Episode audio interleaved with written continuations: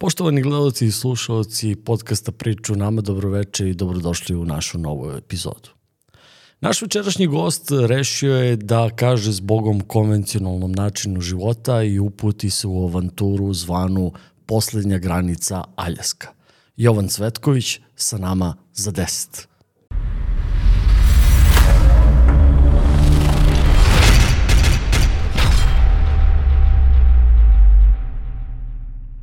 Ćao Joco, dobro mi došao. A, Zdravo, bolje vas našao. Joco, pozvao sam te iz jednog prostog razloga uh, u Zaječaru, a i u Timočkoj krajini, ne samo u Timočkoj krajini, u celoj Srbiji se pojavio jedan trend pre jedno deseta godina o nekim ajde da kažemo, migracijama ljudi, ali to su uglavnom finansijske migracije koje traju period neke godine i gde ljudi odlaze na neke destinacije da zarade novac uh, i da se vrate ovde sa nekim kešom, da li da počnu neke biznise ili da, ili da od tog keša žive sledećih godinu dana. A jedna od omiljenih destinacija ljudi sa ovih prostora je Aljaska. Jeste. Ti si više puta bio na, na Aljasci, ali e, pričat ćemo, pričat ćemo o Aljasci, ali ajde da krenemo od toga ko je Jovan Cvetković. A, šta je Jovan Cvetković pohađao u Zaječaru, koju školu, čime se bavio Jovan Cvetković pre nego što je rešio da krene putem Aljske? Pa ne znam šta bih ti rekao, ovaj, ovako kad me najaviš, ja očekujem da, ne, ne znam. Jovan Cvetković je bio sasvim jedan običan mali građanin, ovaj, Jozef K, koji je ovaj, završio gimnaziju, neuspešno studirao političke nauke, posle ovde u Zaječaru se bavio uglavnom komercijalom, prodavao materijal i opremu za, za grejanje. E, jedan njegov prijatelj je, mu je ovaj, rekao za tu Aljasku, kao mogućnost da se ode na sezonski posao, da se uzme neka, neko neplaćeno odsustvo ili odmor, da se zaradi godišnja plata ili čak više od toga. I s obzirom da da uvek treba nešto izolacija, prozori i tako dalje oko kuće, to je ono kao došla kao, kao dobra opcija. Ti ja sam se prijavio, prve godine me... Čekaj sad, da. ajde, ajde, ajde, ajde da krenemo, da, da ljudima pojasnimo. Kako ide, kako ide prijava, gde se ljudi prijavljuju, koji su uslovi da, da bi otišli na Aljasku? U principu, do, do prošle godine je bilo, koliko ja znam, dve agencije koje su se bavile time, ono, kao work and travel. A, koje su ovaj, nalazile ovde radnike za, za fabrike ribe u, u Naljasci, odnosno u Aljasci. I ovaj, jedna od njih je Niška agencija, bila je ta Beogradska agencija koja je nešto sada prestala da radi Aljasku iz nekih razloga bila neka istraga, nešto su radili, ne znam, nisam, nisam baš u toku. Neke mutne. pa da, neke stvari koje nije trebalo da, da rade, oni su radili, pa je bila istraga prošle godine i onda je ostala ovo samo jedno, oni su se pre, prešaltali neke druge ovaj, stvari. I tako, u suštini, uglavnom ide preko nekog prijatelja koji je to već bio, onda ti da link ka prijavi ili se zaprati profil na, na Facebooku. Uh, podnese se prijava i ako odgovaraš ovim njihovim traženim kriterijumima, oni te pozove ako, ako nema mesta. U principu, njima je važno da ti da imaš ovde posao, porodicu, bilo šta, pre svega da ne bi ostao tamo, da ima ikakvu, ikakvu ovaj, garanciju da te nešto vezuje. Da te nešto vezuje za Srbiju, to je u, u principu ključni, ključni kriterijum. Dobro, i kako se dešava da to, od, od kog ti saznaješ za, za, za Aljasku i kako ti rešavaš da se prijaviš? Ja, rekao ti malo pre ovog jednog prijatelja koji je on, profesor u, u, u tehničkoj školi i onda on ima i one duge raspuste i ne znam, on je čuo od svog prijatelja da postoji ta mogućnost. Uh, 2017. je on bio i dao mi je uh, link na, na koji ovaj, treba se prijaviti kad bude bio konkurs. Ja se te prve godine prijavio, nisam, nisu me zvali, verovatno je bilo prepuno, šta već. I ja sam se i sledeće godine prijavio, 2019. i zaboravio na to, apsolutno. Pre, poslo prijavu i ništa nisam očekivao ovaj, od toga, čak sam uplatio more i to sve, da bi u aprilu negde tamo na, na uskrs, baš, tačno se sećam, nedelja je bila, stiže mail, Uh, proširili smo listu za 10 kandidata, ako i dalje želite da učestvujete na programu, dođite utorak uh, na potpisivanje predugovora i čekaj, stani, kako? Nisam pitao na poslu gde sad, idem na more, kako ću? I onda jedan mali kućni savet, e, šta ćemo, kako ćemo, pa dobro, je kao, malo pre što rekoh, izolacija treba, treba prozori, treba zašto ne, zašto ne uzeti ovo još godišnju platu za dva meseca. I onda ja tako ovaj, pozovem direktora, uhvatim ga na brzinu, ovaj, inače, možda me ne bi ni pustio, ali eto, nekako se desilo da on mene pusti i ja odem u taj utorak i eto, tako sam ovaj, malte ne slučajno i iznenada ovaj, upao u taj voz za Zaljasku. Znači, ako gled, gledalci hoće da pitaju svoje direktore, koji su vrlo bitan uslov, jer, jer, jer moraju da, da daju neplaćeno odsustvo Tako je. čoveku koji ide na Aljasku, ili u Aljasku, kako si ti rekao. U Aljasku, nema razloga, mislim sad, to je ono, pre, mi ovde se odomaćilo na Tajland, na Aljasku, ali nema razloga. Ovaj, država je Sjedinjih američkih država, ogromna je država, nije poluostrvo, nije ostrvo, nema razloga da se ide na Aljasku. U Sve u svemu zovite svoje direktore kad je neki praznik ili Tako kad, je, ili kad iznenada, slave rođendan, iznenada. Da, da, ako imate informaciju kad je dobro raspoložen, to je isto bitno. Ja je nisam imao, ali pogledao me mm, univerzum, ne verujem u neke druge ovaj, entitete. Kaži mi, kaži mi kako krećete, znači e, kako ide put do Aljaske, kakav je put, odnosno ne kakav je put u, smislu puta. Konkretno putovanja, nego... pu- pa nego- koja je procedura u, u odlasku?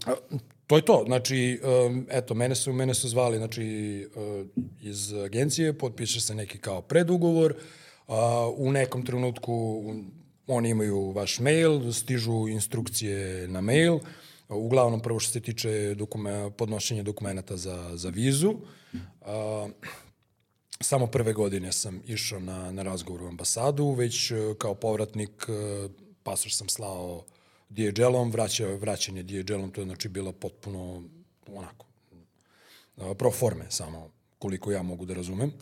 Znači, samo prvi put je bilo, da kažem, ozbiljnije, kad si ti već ušao u sistem, kad si ispoštovao vizu, kada si tamo pokazao kao, ok, radnik, dalje je posle samo formalnost za sledeći put.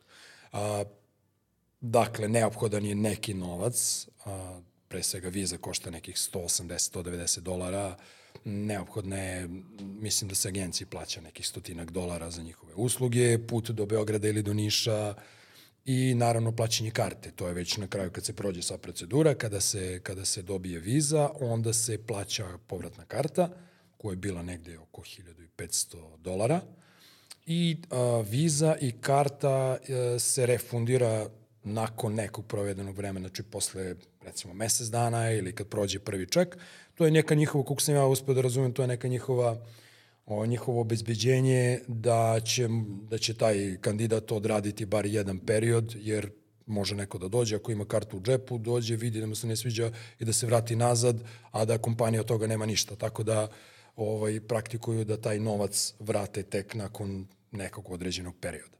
Znači, ljudi treba da spreme otprilike oko 2000 dolara. 2000 dolara. Sad su, sad su ja mislim, cene, cene letova po, ovaj, skočile zbog cele inflacije i svega toga. Tako da mislim da to možda i koja stotina više, ali 2000 je onako jedna gruba, uh, gruba procena koliko je neophodno. Dobro, a, I to je novac koji se apsolutno sigurno vraća. Mislim, to, tu ne, šta god zaradili, ne zaradili, sezona bila dobra ili ne, taj novac svakako sledi i većina ljudi ga pozajmljuje. iz Beograda se leti za... Pa to sad zavisi. Zavisi gde. Ja sam letao Beograd-Amsterdam, letao sam Beograd-Istanbul, letao sam, ja mislim, i na Pariz jednom. Znači, sve zavisi kako, kako oni... A i na tamo isto zavisi gde, odnosno... Pa, uglavnom, uglavnom je destinacija Seattle. Znači, iz Beograda se leti u neki, neki, neko evropsko čvorište aerodromsko, odatle mm, 90% slučajeva je Seattle, jednom sam letao možda preko Njujorka kad je bila ona, kad je korona bila, pa sam onda, pr prva stanica u Americi je bila New York, uh, jednom je bila Minnesota, u principu kako, kako prevoznici, avioprevoznici organizuju karte, to je to. Iz Seattle se onda leti za Anchorage, zavisi koja je fabrika, gde je fabrika, odatle se posle ide ili autobusom ili onim malim avionima, to je tek ono poseban doživljaj, ja ih zovem letići kombi, znači bukvalno Mr. No varijanta. Ja sam imao, ja sam imao situaciju kad, kad sam prvi, i to mi je bio prvi let u, u, u životu mi je bio a, za Egipat. Da. I onda smo leteli nekim čarterom i sad, pazi, meni doživlje aviona kao nekom ko nije leto, sad, to je onako ima mesta, udobno, avion i mi ulazimo, to je bio Aviogenex je bila firma. Verovatno je bio Turbo Elisni onaj. A bio je, bio je, bio je avion uh, ništa konforniji nego autobus. Naj, najobičniji autobus. I onda još uh, tu mi otac ispriča priču kako su u bivšoj Jugoslaviji aviogenek zvali lovci presretači, jer su oni imali neke incidente na, Aha. i onda mi onako, baš mi onako dao šlagvord za, onako sam baš... Za jedno udobno putovanje udobno i putovanje, bezbrižno. Bezbrižno totalno putovanje, znaš, i, i, i ja inače imam, imam recimo slabiji želudac, Da, I nikad nisam, pazi, nikad nisam ni kao klinac, nije mi želudac trpeo ni balerinu, ni... Ba, ringišpil sam mogao, ali, ali neko ali naglo... nagle promene, e, e, da. E, e, naglo promene, nagle promene visine i pravaca, to nisam mogao nikako da trpim. I onda mi je bilo, znači, stomak mi je bio, u, znači, hteo sam, kad, kad sam sleteo, sećam se prvi put da sam hteo pistu da poljubim. Znači, to je, to je bilo. A kad sam se vraćao, kad sam se vraćao, onda sam malo cirknuo i onda mi je bilo... Mnogi to rade. Mnogi to rade i koriste ovaj, bar, mada to opet zavisi od prevoznika, ovaj, uglavnom, uglavnom su ti pre, pre, ovaj, međukontinentalni letovi konforniji, mislim i više prostora, malo su bolja sedišta i ima alkohola koji je besplatan i tako da, da su neki to obilato koristili. Kakav je bio tvoj prvi susret sa, sa Aljaskom? Aljaska ovako možda na karti izgleda malo, ali to uopšte nije mala teritorija. A, to je a, jedno od poslednjih pravih divljina kao što je, kao što, ne znam, kao što, je, kao što su bile pre 300, 400, 500, 600 godina. Znači, potpuno netaknuta divljina i zaista je velika. Ja sam mislio, o, kad smo pričali pre ono, da, da je negde veličine Evrope, nije. Otprilike veličine zapadne Evrope. Znači, ali to je opet ogroman prostor pod zapadnom Evropom, mislim, Nemačka, Nemačka, Francuska, Velika Britanija, ceo taj deo na, na tamo, otprilike te veličine prostorno i tamo živi samo 780.000 stanovnika na celom tom prostoru. Od čega je 300.000 spakovano u Anchorage, koji je najveći grad, nije glavni grad, ali je najveći grad i tu se uglavnom sve i dešava, tako da je sve ostalo, ja verujem da ima više medveda i losova nego, nego ljudi na, na, na, u Aljasi. Da, kažu da je los ono, normalna pojava da ga da, vidiš. Da, šetaju, šetaju i medvedi i losovi i ono, bukvalno šetaju ulicama. A prevozne sredstva su uglavnom avioni Tako, i, i brodovi. I, i brodovi. A, ima, koliko ja znam, postoje dva autoputa velika, iz, jedan koji ide iz Kanade, grubo zapad-istok i jedan koji ide od ozdo pravcem uh, jug-sever. I to je to od puteva možda oko, oko tih mesta, možda ima nekih puteva do, do određenih, šta znam, pa mogu da kažem zaselaka, jer stvarno postoje neke udaljene ovaj, kuće ili tako grupacija kuća koja nisu neko posebno mesto, ali tu gravitiraju nekom, nekom, ne, nekom naseljenom mestu, kako bih to rekao. Recimo u Kordovi, gde sam prvi put do, ta, do, do Kordove, koja se nalazi nekih 300 km od Anchorage-a, može da se dođe samo brodom i avionom. Apsolutno ne postoji put do tamo. I mi smo leteli tim, taj, to je taj prvi ovaj, utisak, letimo tim letećim kombijem sa osam mesta, koji ono vibrira, trese, turbulencije, vrlo jedna zanimljiva iskustva. A koje se meni pitanje sad javlja ovako, ovako na prvu struja? da li imaju autonomne svoje centrale ili, ili od negde dolazi struja? Veruj mi, veruj mi da ne znam. veruj mi da ne znam, ali svi, sva ta mesta imaju struju. Imaju struju svi. I a, sad pokušavam da se setim, a, To je zaista fascinantan pejzaž, uh, jer taj, taj avion, uh, baš ta, to, to je taj prvi put kad sam ja letao i onda mi je to sve bilo vrlo upečatljivo. Uh, tih 300 km leta, taj avion leti možda na 2-3 hiljade metara, ne, ne više. U nekim trenucima su ti vrhovi, ono, kad se malo spusti, vrhovi planina su ti tu na, na 200-300 metara. Znači, neverovatan prizor. Neverovatan prizor. I bukvalno, o, to nisu previsoke planine, možda oko 1500 metara su u nekom proseku, ali to je bukvalno koliko ti pogled, pogled seže, leti se malte ne ono iznad okeana, s jedne strane je okean, A, sa druge strane ide planina, glečer, dolina, planina, glečer, dolina, sve su još uvek ono pod snegom, jako je jun, avgust, ne sim, tu se i ne topi taj sneg, i tako 300 i nešto kilometara, ničeg, apsolutno ničeg drugog. Pazi, ja, ja sam, negde sam čitao da, da veći deo Aljaske u suštini nije ni istražen, kao da, da ljudi nisu prošli uopšte to. Moguće, moguće, centralni deo, ja nisam, nisam imao sreće, ovaj, još uvek se nije pogodilo, što ne znači da neće, da malo ovaj, obiđem više te unutrašnje delove.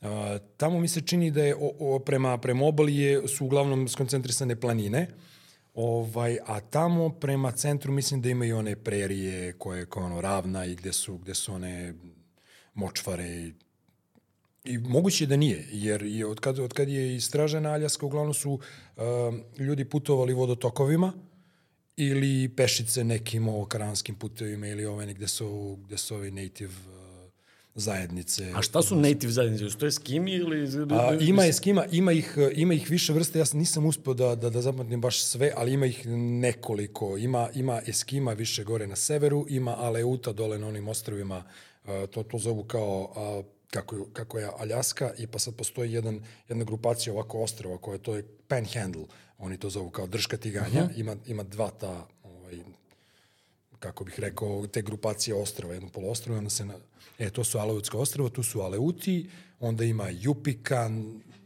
ne znam još koliko tih e, plemena i, i nacija, kako ih oni već nazivaju.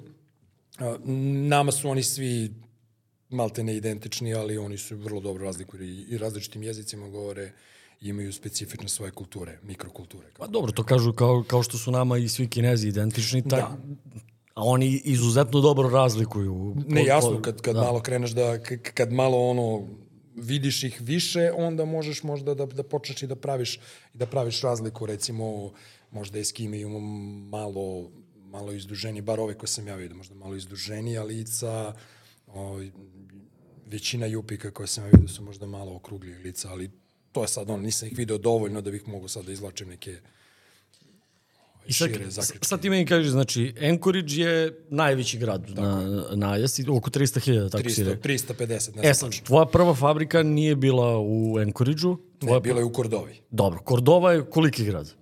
2500 stanovnika. 2500. I to, mislim da je 2500 ovaj, u sezoni ribolova, pošto su svi ti gradovi u suštini nekako okrenuti ribolovu. I ima mnogo, kapetna, ima mnogo malih, uh, recimo, malih ribara koji imaju samo jedan ili dva broda, ima i kompanija koje posjeduju cele flote i tako dalje. Međutim, sve tokom sezone svi se sjate tu i sezonski radnici poput nas i ovaj, ti kapetani i posade i onda, i onda taj grad možda ima 2000 ljudi. Ja mislim da van sezone ima registrovanih 900 ljudi, nemaju da me drže za reč. A kako izgleda uopšte ta, jedan takav gradić na, na Aljasci? Mislim, arhitektura grada... A, Pa, kao modernizam, e, otprilike ako zamisliš ovaj, jedan grad uh, iz western filmova gde postoji jedna glavna ulica gde, gde je banka, salon, uh, prodavnica, to je ona kičma grada i ostalo tu negde je, tu je negde škola, vatrogasna stanica policijska i to je to, neke kuće koje su tu razbacane, ima, tri, ima par ulica i to je to. Uh, zanimljivo je to, na primjer, uh, svi ti manji gradovi uh, u kojima sam bio su deluju mnogo veće, fizički razuđeniji su nego na, naši evropski gradovi, jer su čak i u tako malim mestima o, dosta široke ulice i dosta toga prilagođeno automobilima. Nešto što bi ličilo na našu Vojvodinu, otprilike. Mislim, tam, tamo je neka, pa ajde, Pa, ne, a, hajde da, da kažemo da je tako, ali, ali u suštini mno, mnogo je, mnogo je razumno zato što, zato što su bukvalno vezani za automobile, jednostavno takva kultura, sve je preogođeno, čak i u takvim malim gradovima imaš drive-thru je sve. I, I kafa, i banka, i bukvalno sve možeš da, da uradiš drive-thru iz automobila, iz, ovaj, sa prozora u principu oni imaju sve funkcionalnosti jednog grada koje, da, koje treba to je zanimljivo, to je zanimljivo koliko god bile male zajednice, e, recimo imaju fenomenalnu Kordova je meni prvo iskustvo i prvi dodir sa Aljaskom i bilo je zanimljivo zašto sa ekonomske tačke gledišta e, sezona je bila užasna. E, od dva, dva i po meseca koliko sam provao tamo, ja ne znam da smo mesec dana radili, ali smo mesec, mesec dana o, imali vremena da upoznajemo grad, okolinu. Da blejite. Da blejimo, bukvalno. Bila, i, I dobra ekipa bila, dobra ekipa bila tako da se to pretvorilo u jednu, jednu fenomenalnu ekskurziju. A, zato mi je ostalo, zato mi je ostalo ovaj, u, u, u lepom sećanju. A, nego gde sam, šta sam ja zapravo htio. Ne znam šta si... kre- Ne, Ne, znam nešto šta... si me, pitao si me nešto, pa sam ja ovaj tvoj Funkcionalnost. funkcionalnost grada, da, uh, imaju uh, pa otprilike sve što ima jedan grad ovde u Zaječaru, znači imaju fenomenalnu sportsku dvoranu, ovaj, imaju, imaju nekoliko marketa, imaju ono hardware store u Vožđeru gde se kupuju. Mi- Mislim, bukvalno imaju sve, imaju pozorište, imaju bioskop, uh, dve banke, im, imaju sve što im treba. Dobro, kaži mi sad, da, da sad pređemo na, na fabriku. A, fabrika je mesto u kom vi i živite i radite u, u krugu fabrike. Pa, u suštini, u suštini da. Um, zavisi bar fabrike u kojima sam ja bio. Bio sam u Kordovas, Kodijak, uh, dva puta Kordova, znači tri, tri ili četiri, sad već, već sam ono, sve mi se ono skupilo u jedno veliko iskustvo. Um, uglavnom je ili uh, bukvalno u krugu fabrike. Znači, postoji, ili smo smešteni u Bankhouse-u, takozvanom, to je jedna veća zgrada sa sobama i ovaj kupatilom na, zajedničko kupatilo na, na, na spratu, a, ili u nekim kontejnerima ovim za, za život. Jedan kao shipping kontejner koji je podeljen na tri ćelije, slobodno mogu da kažem, jer tu su uglavnom, to su dvokrevetne sobe u kojima imaš krevet, ormar, a, policu, radijator i čiviluk. I cimer, verovatno. I cimera, da. Neki su bili srećni da nisu imali cimere, ali dobro. To sve zavisi. U principu to je ograničen prostor. Uh, vi, uh, ajde da kažemo, imate ne, nešto u, u, u, tim, u tom prostoru, imate nešto za neke zajedničke prostorije, nešto gde možete da provodite vreme. U Bankhouse-u, u Bankhouse-u postoji ono kao takozvani break room, velika jedna soba sa kaučima, dvosedima, foteljama, eh, aparatom za kafu, mikrotalasnom, tu je televizor, frižider i u slobodno vreme se provodi tu i to je da kažem malo bolje smeštaj korektniji. U ovamo gde sam, gde sam, gde smo bili smešteni u kontejnerima, tu su već uslovi za život bili malo ekstremniji, jer je menza i tuševi i toaleti su recimo u posebnoj zgradi, tako da je neophodno preći, zavisi gde si smešten u kampu, neophodno je preći 100, 150, 200 metara do, ovaj, Do toaleta. do toaleta ili do... I break, break room je negde tamo baš blizu, blizu fabrike, neki magazin koji je preuređen u to, neki bilijar, teretana, pikado, neki stolovi, oni vending machines za, za, za čokoladice i ovaj, sokove i kao to je to. U principu spartanski uslovi. A kakvi su uslovi rada, odnosno koje, e, koja zanimanja, čime sve ljudi mogu da se bave u jednoj fabrici na Aljasku? U suštini U svi koji, svi koji odu su klasifikovani kao fish processor. Dobro.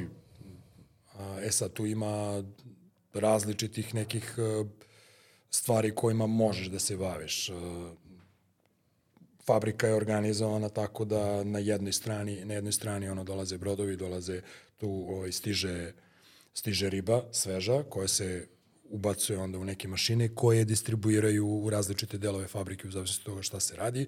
Obično je pola fabrike podeljeno uh, odvojeno za, za konzerviranje, a drugi deo je takozvani ono kao fresh uh, principu gde se riba obrađuje i gde se zamrzava ili jedan manji deo se na, na ledu šalje onako E svež. se riba sortira u fabrici ili već dođe sortirana u fabrici? U fabrici se sortira. Uglavnom po veličini, po, ne znam, po, po, po kvalitetu, jer to dolazi u tim brodovima, oni su deplasmana, ne znam, ja, dvestotinak tona ili zavisimo i manjih i onda je to sve ovako u onom njihovom tanku, pa bude nekad uh, oštećena i tu se onda razdvaja ono što je oštećeno, ono što je uh, zdravije, ono što je po veličini, po raznoraznim nekim kriterijima. Ja sam uglavnom radio, imao sam, da ne kažem, i sreće, da sam uglavnom bio na onom izlaznom kraju fabrike gde se gde, je već, gde se manipuliše već zamrznutom ribom, koja se pakuje u kutije, gde se pakuje u, u kamione ili konzerve gde se ovaj, već e, gotove konzerve gde se manipuliše njima, gde se pakuju palete i gde, se, gde odlaze dalje u distribuciju. A kaži mi, svi poslovi su plaćeni isto? Uh, jesu, otprilike satnica je svima ista, postoje neke premije za neka zanimanja, ne znam, za viljuškaristu ili mislim da QA ili QC, kako to zovu, koje je quality check, quality assurance. Uh, oni, oni Ljudi radnici, koji proveravaju kvalitet. Jeste, oni radnici koji, koji znaju malo bolje engleski ili vole da se guraju i tako dalje, oni ovaj, mogu da, da budu ovaj, izabrani u taj QA, QC tim i oni imaju malo lakši posao, u smislu nemaju fizičkog rada, idu sa onim papirićem okolo naokolo i vode računa o tome da li se nose zaštitna sredstva, da li se hendluje proizvod kako treba i tako dalje i tako dalje. Koje je radno vreme? Zavisi, nema, ne, nema pravila. Kad, uh, u principu radi se dok ima ribe. Radi se u smenama, kako se radi? Opet zavisi od fabrike. Uh, neke, neke fabrike rade around the clock uh, celog dana, cele noći ima tri smene koje se preklapaju. O, ove fabrike gde, u kojima sam ja radio su uglavnom radile od ujutru do uveče, recimo možda do nekih 12 sati. Uh, i kad ima ribe, znači smene mogu da budu i do 16 sati, prosek neki je možda 12 sati, recimo, zavisi kad je solidna sezona, kad se sve to na kraju izjednači, jer može se desi da iz nekog razloga zatvore neko lovište, imaju jako dobru kontrolu, Amerikanci imaju službe koje prate sve to da ne bude da ne dođe do izlovljavanja ili ne znam šta, onda se dešava da interventno zatvore neko lovište ili bude uh, oluja pa brodovi ne mogu da stignu ili iz bilo kog razloga desi se da ne, nema posla i po dan, dva, tri, pet, zavisi. Znači, apsolutno nema nikakvih pravila. Znači, vrlo je bitno da, da naglasimo da može da se desi da i sezona pukle. Apsolutno. I da... Apsolutno. I ljudi često, to sam primetio, ljudi često idu, mada sad u poslednje vreme, m, mm, evo već četvrtu sezonu, ja malte ne idem sa istim ljudima. To se nekako se iskristalisala ekipa koja, koja je ono, se usmerila u tom u tom pravcu i ove, oni već znaju šta mu su već, ja kažem, veterani, već se zna ko šta, ali novi, novi ljudi čuju raznorazne priče i dolaze sa raznoraznim očekivanjima i onda tu bude, boga mi, razočananja i besa i ali dobro, to je sad sve. E sad, na osnovu tvojeg iskustva, realno, da. koliko je realno da, da čovek posle, posle jednog angažmana vrati u najgorem i u najboljem slučaju? Pa meni je prva sezona bila najgore. Ja mislim da, mislim da gore od toga nije ni moguće. Mislim. Uh, ja sam za dva meseca tada zaradio 5200 dolara. Što je meni bilo sasvim okej, okay, jer je to bila malte ne moja godišnja plata u to vreme i stvarno... obezbedio si se do sledećeg puta. Tako, ja sam bukvalno duplirao svoj, svoj budžet za, za dva meseca. Uh, what's not like. ali a, najbolja, u najboljoj opciji recimo to je neki 12-13 hiljada. Prosek je, aj kažem, 8-10 je možda realistično Znači u najboljoj... Za 2-2 i po meseca. U Između 2 i 3 u stvari. Ja to nisam baš ono precizan. Nekad sam, mislim da sam jedno bio tačno 2, nekad ono ostaneš malo duže. Između 2 i 3 meseca, ne kažemo tako. U, u najboljem slučaju za tri meseca čovek može da obezbedi godinu dana svoje egzistencije od 1000 dolara mesečno, u najboljem. Tako. U najgorem 500 dolara mesečno, Tako. sigurno. Tako. Znači, to je ako, ako, ako, nema, ako nema ovde ono posla. Ako je, što je idealno, recimo, ovaj, na primjer, ovim profesorima, jer ja sam od profesora to i, to i čuo, znači njemu plata ide, ode dva meseca, zaradi svoju godišnju platu ili maltene duplu godišnju platu i onda se vrati na platu i ovo je bukvalno, bukvalno čista, čista zarada preko onoga što je naviko da živi. Ako ovaj, nemaš zaposlenje, onda ti je to to što, što imaš, ali ti daje, daje ti jednu slobodu. E sad, pričali smo pre nego što si, uh, pre nego što je emisija počela, pričali smo da, da, je, da je stvarno uh, a, od, boravak u fabrici i izmeštanju neke sasvim druge uslove koji su nama nepoznati, koji, koji živimo ovako po gradovima, radimo. To je jedan zatvoren krug, nešto nalik zatvoru gde nisi, ajde da kažemo, a, nisi vezan, možeš da izađeš iz, iz kruga, možeš i da pa. se vratiš kući, ali vrlo slično nek, neki ekosistem otprilike u logoru, zatvoru. Da, liči, liči na vojsku, liči na vojsku ili na ono odeljenje slobodnjaka u zatvoru, gde a, e, e sad... pogotovo je tako izgledalo kad je bila korona i kad smo bili u zatvorenom kampusu, kad, je, kad smo bili u karantenu. Znači, šest meseci bukvalno nismo smeli da napustimo uh, krug fabrike. Kako je to izgledalo?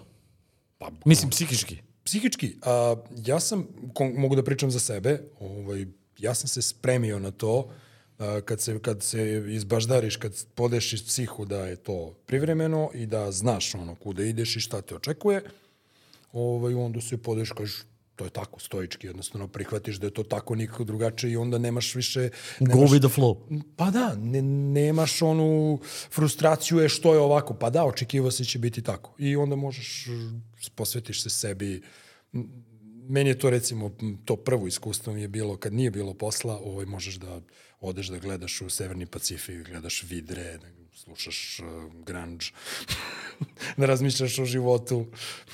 A kaži mi, koja je razlika, evo, sad si, sad si dobar šlagur dao, a, jednog dana kada je puna sezona, odnosno kada se radi u fulu i jednog dana kada posla nema?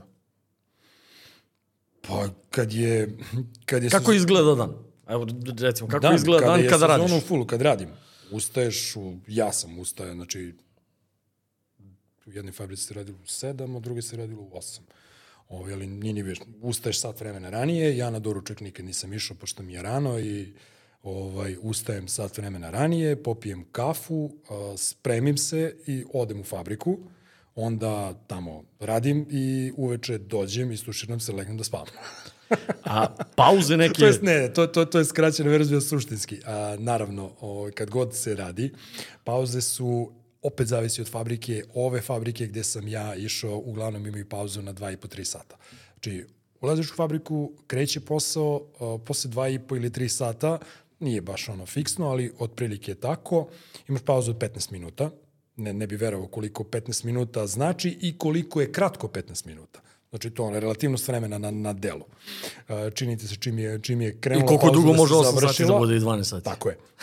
I tu je ono, to, to sam prve godine shvatio, nikad razmišljaj samo do prve sledeće pauze. Ako razmišljaš gde je, gde je veče i gde je 8, 9, 10, 11, 12 sati, to je, to, to, to je užas, to je katastrofa. Ja kad sam bio klinac i, i ovo, sad, ovo što, što si rekao, kad putujem negde, I onda sam, onda sam davao checkpointe, sam sebi da. davao, znaš, e, kao stignemo do ovde, e, pa stignemo do...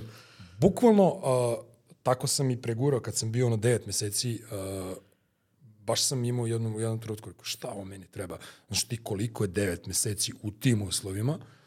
I onda sam sebi rekao, dobro, ok, idemo bukvalno dan po dan. Ni dan, dva dalje od, ono, od sutra. I to me je ono lepo, lepo poslužilo, taj, taj pristup me je lepo poslužio. A kakav je dan kad nema posla? E, to opet zavisi od čoveka. Ako, ako si slobodan, o, jer mi godinu i po dan, već dve godine zapravo nismo bili slobodni zbog korone. Uh, pred, da, pred prošle, prošle godine smo bili baš ono u karantinu, a ove godine je bilo pola-pola. O, jednom, u jednom trenutku smo bili zatvoreni, pa su nas onda pustili, ali kada je slobodan dan, onda si slobodan da radiš šta god želiš. Uh, neki su recimo u Kodijuku kupovali automobile, uh, nađeš neki krš za 200-300 dolara ili ono nekoliko nas se ovaj, udruži, kupi, kupi auto i onda, jer konkretno u Kodijaku uh, to je ona razuđenost grada koja ima 2500 stanovnika, a od uslovno rečeno centra do Walmarta, ovaj, koji je ono, maksi, uh, ima 6,5 kilometara možeš da hajkuješ do tamo i nazad, to je ona dobar, dobra vežba, ili možeš da kupiš tako sa, sa prijateljima neki krš od 300, 300 dolara i da ga onda voze svi koje, u kome kad treba. I naravno kad se ode odatle, onda se ostavi na nekom parkingu i to je to. Jer nema registracije, nema prenosa, nema ničega. Samo bukvalno ga ostaviš i posle koja mu je sudbina, to ne znamo. A koje uglavnom nacije dolaze da, da, da rade u fabrici? Sa, sa čim si se sve susretao? Mm, ja sam se, znači, veliki, uh, veliki broj Meksikanaca, što je logično, uh, Filipinaca, znači to su, kažem, najveće, najveće grupe, ima nas Srba poprilično, Ukrajinaca je bilo dosta do ove krize, Um, ima tu i tamo Bugara, ima Amerikanaca, što je logično, i svih ostalih ovaj, nacija, ja ih nisam previše sretao, ali upadne po neki Čeh. Uh, I to je otprilike to. Kakvi Amerikanci se nalaze to? Amerikanci raznorazni, ovaj, uglavnom, što bi se reklo, sa dna kace. ili, ili ljudi koji, koji traže neki reset, uh, koji su negde dole i u ovim lower 48 tako oni zovu ove donje države, do, donji 48, 49 država, lower 40, 48 ili 49, ne znam, si, nisam siguran. Ovaj, koji su, traže neki novi početak i onda dolaze na Aljasku da smanje sebi troškove. Jer ti tamo dok si u fabrici, eh, tebi je smeštaj obezbeđen, hrana ti je obezbeđena i taj neki, i, i tu neku zaradu, tako da imaš mnogo manje troškove nego da si dole negde u Teksasu, Kaliforniji ili gde već, u, Georgiji. Čekaj, znaš onu priču, nastavit ćemo tu priču sa čovekom iz Niša, to je, to je bilo po, po svim televizijama, koji ono kad, kad dođe zima, otprilike oktobar, novembar, on uzme, obije kiosk, oni ga uhapse i vode ga u zatvor, jer čovek nema gde da, da boravi. E, recimo, recimo, da je, recimo da je tako. Recimo da je tako. Ovaj, konkretno, evo sad, konkretni ljudi sa kojima sam se ja upoznao, Lester i Gary iz Los Angelesa, odnosno, pošto je Los Angeles zapravo jedna ogromna konurbacija iz nekog grada koji je se sjedinjen sa, sa, sa znači, gde, znači, ta dvojica su bukvalno likovi iz onih eh, gangster filmova 90-ih, Ice Cube, Ice-T, eh, priče njihove, znači, to je to, apsolutno, bez ikakvog eh, preterivanja, to je to, pođeš u prodavnicu, drive-by, pucanje iz kalašnikova, geto, apsolutno nemaš načina, loše su škole, apsolutno nemaš načina da izađeš iz tog, iz tog začaranog kruga.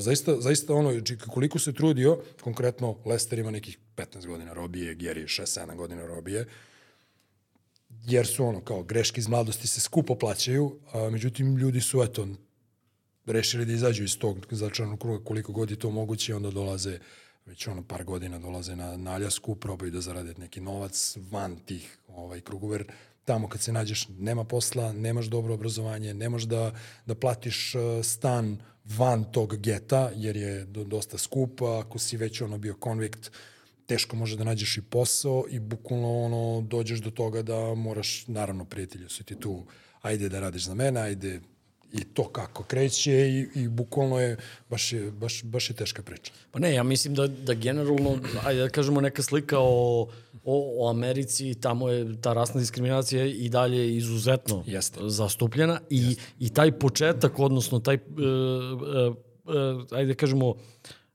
položaj koji stičeš rođenjem kao, kao pripadnik. Da, nama je to, nama je to, nama je to ovako baš teško shvatljivo, jer ipak smo, ipak smo, kako god mi on, živeli neko bolje, neko gore, u odnosu na to smo privilegovani. Definitivno mogu da napravim paralel sa našim Romima, koji su u sličnom nekom uh, začaranom krugu, i zbog sistema i zbog njih samih. I, s, tim, ali, s tim što su Romi sakupljači sekundarnih sirovina, a ovi su nešto drugo. Da, da, ali znaš već kako to ide ne idu u školu zato što moraju da rade, pa onda to sve je jedan, kažem, začarani krug. I to je, I to je, to je neverovatna sreća u tim zajednicama kad neko uspe u sportu, ono, da. NFL, basket da. ili tako da, dalje, da, da, da, da se izvuče iz te sredine, jeste, da izvuče da, porodicu. Znači, mi to svi znamo jer smo izloženi popularnoj kulturi i to sve dolazi do nas, neki odjeci. Međutim, kad se zaista sretneš sa tim ono, iz, iz prvog lica, onda shvatiš da to bukvalno na filmovima, znaš, kao, e, kao to je film. Ne, to je tako. To je njihov život. To je njihov život. Geto.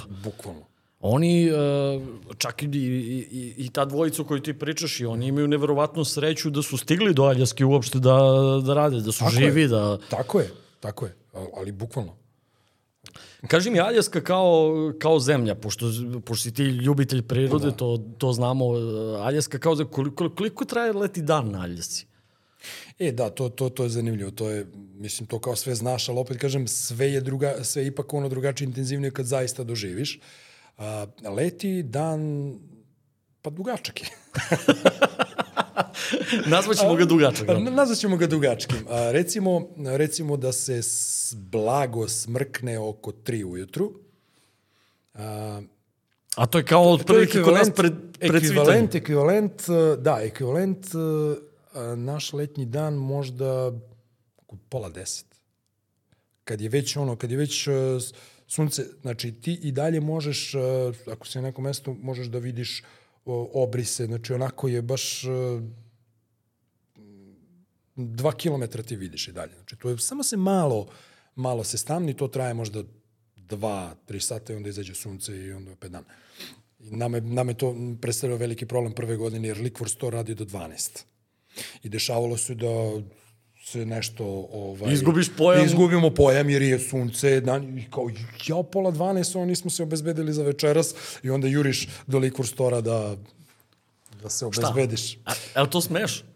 Pa smeš, van fabrike, van fabrike naravno da smeš. A u fabrici strogo zabranjeno? U fabrici je formalno, uh, company policy je ono zero alcohol tolerance, a u praksi to uglavnom nije tako, jer se obično gleda kroz prste i, mislim, ima, ima, ima menadžmenta koji je malo svesniji, ipak su to zaista neobični uslovi, ipak su to specifični uslovi i moraju, da, moraju ljudima da daju bar neki ventil, bar blagi i da probaju da balansiraju to, ali uvijek imaju taj company policy koji mogu da izvuku ako, ako im je neophodno da nešto saseku u korenu ili da već ono, Prave raciju i to je to. tako je.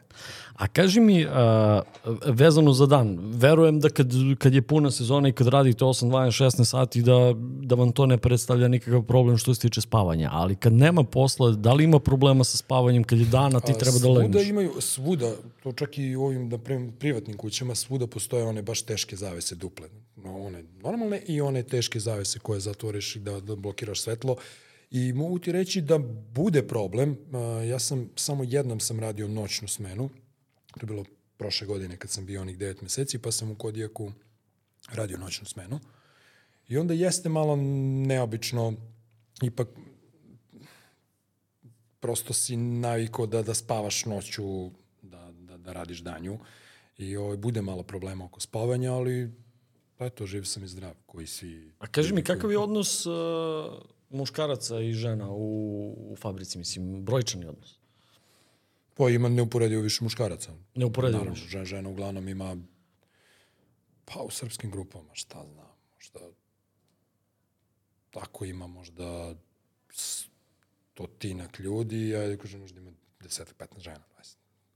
A, vezano za ja se dešavaju incidenti u, u krugu fabrike, pošto znam da, da obično te, te, te sve fabrike kao i, i, i fabrika u kojoj sam ja radio a, imaju neke zero tolerance policije. Ne, a, malo pre si rekao da je za alkohol da. zero, zero tolerance, ali kod nas je bilo i za violence i za a, za, za svakakve stvari je bila ta zero tolerance. Ta, jel ima incidenata tamo, pošto svakakve kulture, svakakvih ljudi ima Tako tamo. je. I, o, pa za, za divno čudo nije bilo. Nije bilo previše.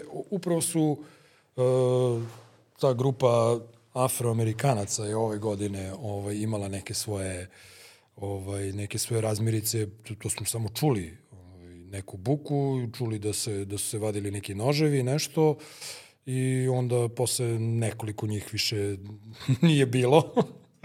A, ali u suštini zanimljivo je da mm, i pored lakih droga i alkohola i tenzije koja je da kažem normalan proizvod eh, takvog eh, teškog rada i, i malo spavanja, zanimljivo da ima jako malo incidenta.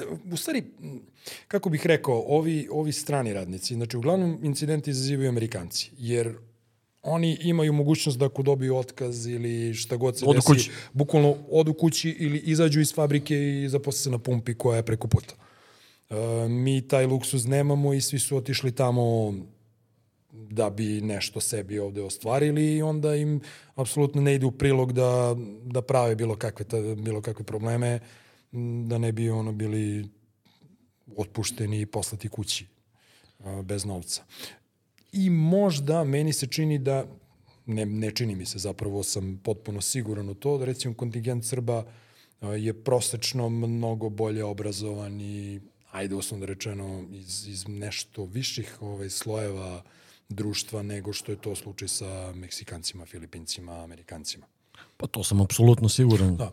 I tako da i to verovatno doprinosi tome da, da, da incidenata. Jer ako ti kažeš da si, da si čuo prvi put za, za odlazak na Aljasku od profesora, onda...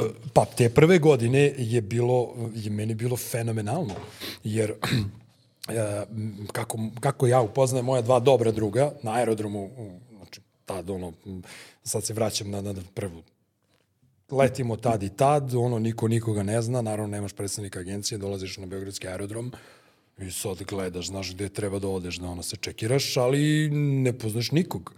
I otprilike se to nekako prepozna, vidiš neki, neku grupicu, pa kada načuješ nešto, aha, dobro, to su moji. I sad ono snimaš ljude, ko su, šta su. U nekom trenutku tu već ono kreće neka priča, aha, jel ti ideš, aha, idemo tu, polako se u, ovaj, neki ljudi izbližavaju. Stvara se komuna već, na početku. Da, pa prosto su ono ljudi upućeni jedni na druge.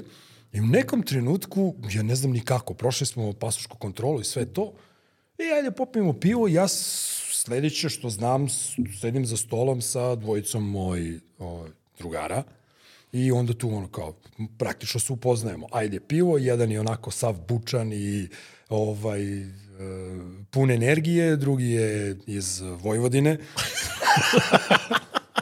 Potpuno spor. Kum je iz Vojvodine, e, znam kako to e, je. Ispalo je, znači, taj bučni je Steva iz Niša, koji je inače profesor klavira u muzičkoj školi.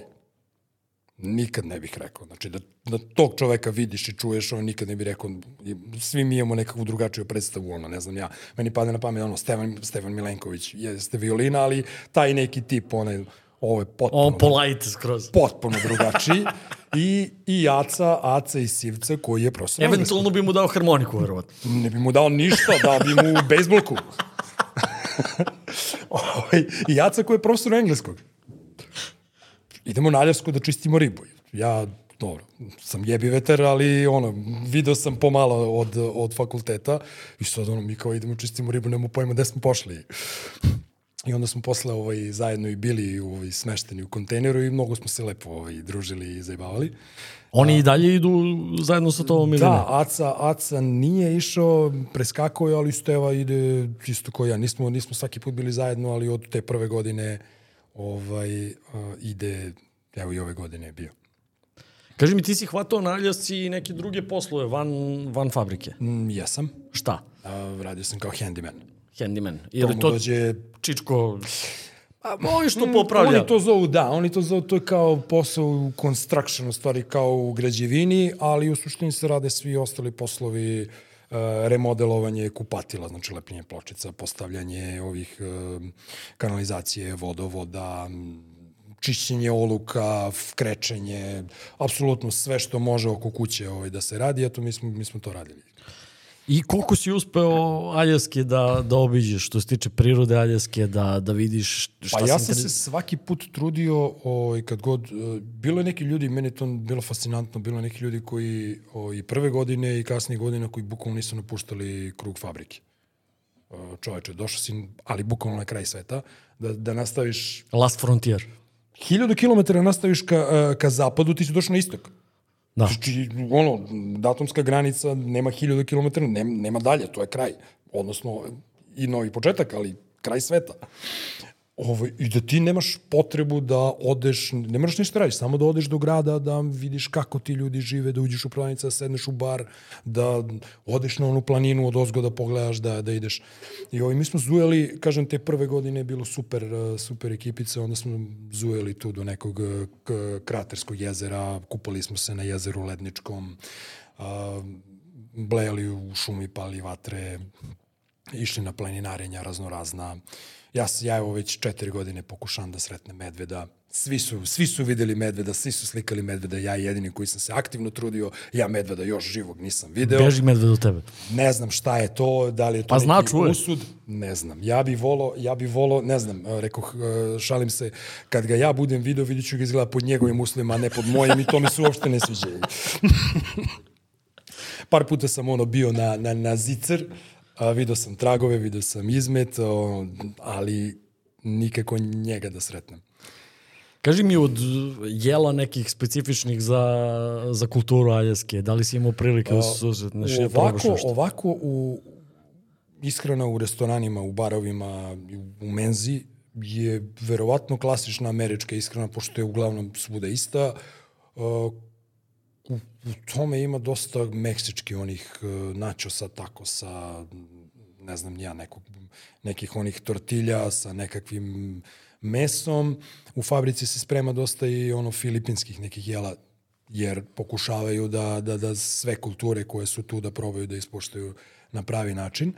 O, ovako u gradu to su neki burgeri, to su sa nekim sosom. Mislim, ništa spektakularno, ali za mene highlight eh, koji sam imao, imao sam sreće da, da radim kad sam bio u Anchorage-u i kad sam, kad sam radio kao handyman, bili smo u jednoj kući smo nešto radili svašta, krečili, eh, sređivali neke, nije ni važno. Bili smo tu skoro nedelju i po dana i uh, ta gospođa koja nas je unajmila je usvojila je četiri devojčice iz uh, tog native neke zajednice koja je prilično tamo udaljena i tamo se dešavaju koje kakve ovaj, ružne stvari, siromašni su ljudi, ima i, i ovaj, zlostavljanja i te devojčice su bile žrtve zlostavljanja i ona ih je ovaj, uzela k sebi.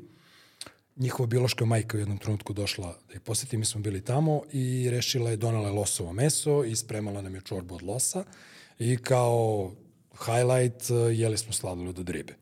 A kaži mi los, ajde da, da pa ćeš posao sladoled od ribe, da, da pričaš. Uh, los, kakav je, možeš da ga uporediš, ukus sa nečim? A, mogu, najviše liči nekako na divlju svinju. Dosta je jako i onako masno, jako je. U principu ne razlikuje se previše od divljači. Ko je jeo divljač, našu divlju svinju ili možda jelena ili tako nešto, u suštini je to jako slično tome. A kako ga pripremaju? Prave gulaše kao i mi ili... Više je bila kao, više je bio kao paprikaš.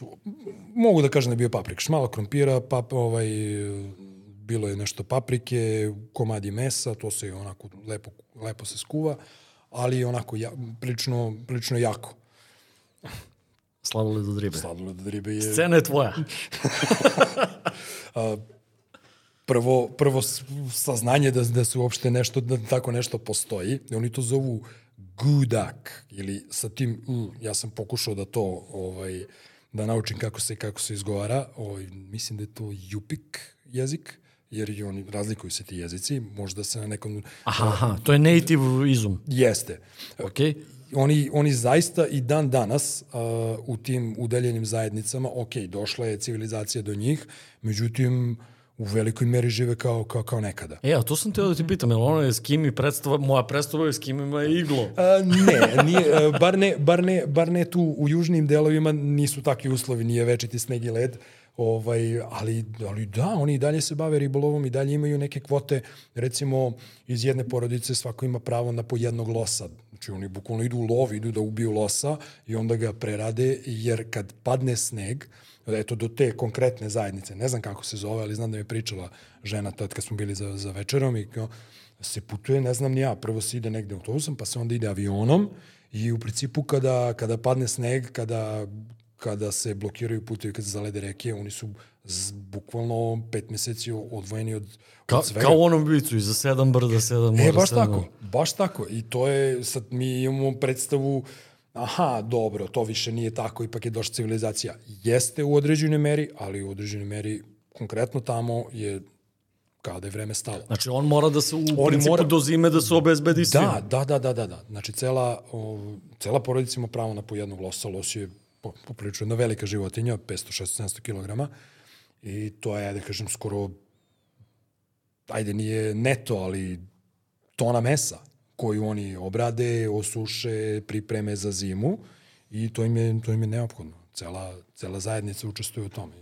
A li imaju kontrolu nad sečom u aljasi, šuma i tako dalje? A, da, da, i to je zanimljivo, meni je bilo jako smešno, išli smo, imaju le, jako lepo uređena mesta za kampovanje, znači to je, imaju rangersku službu i sve to poprilično, mislim, u, baš u, u ovim nekim divljinama, ako bi išlo totalno wild, tu nema kontrole, ima nekih ljudi koji idu na, na, na, na te hajkove i na, te, na trekkinge po baš ovaj, van uređenih mesta. Ja nisam imao dovoljno vremena da bi se ovaj, time bavio, ali smo išli na izlete, na kampovanja, na ta uređena mesta i tu su uglavnom jako lepo sređeni, postoje uređena vatrišta, o, ozidana, sa klupicama, sa mestima gde se parkira auto, gde se stavljaju šatori, e, seča drve, drveta je strogo zabranjena, znači kupit, e, kupiš naramak drva u supermarketu, to mi je bilo smešno, idem u šumu, moram da kupim drvo, za roštilj generalno za vatru. Za grejanje. Bukvalno je spakovano u ovako u naramak drva, košta 6-7 dolara,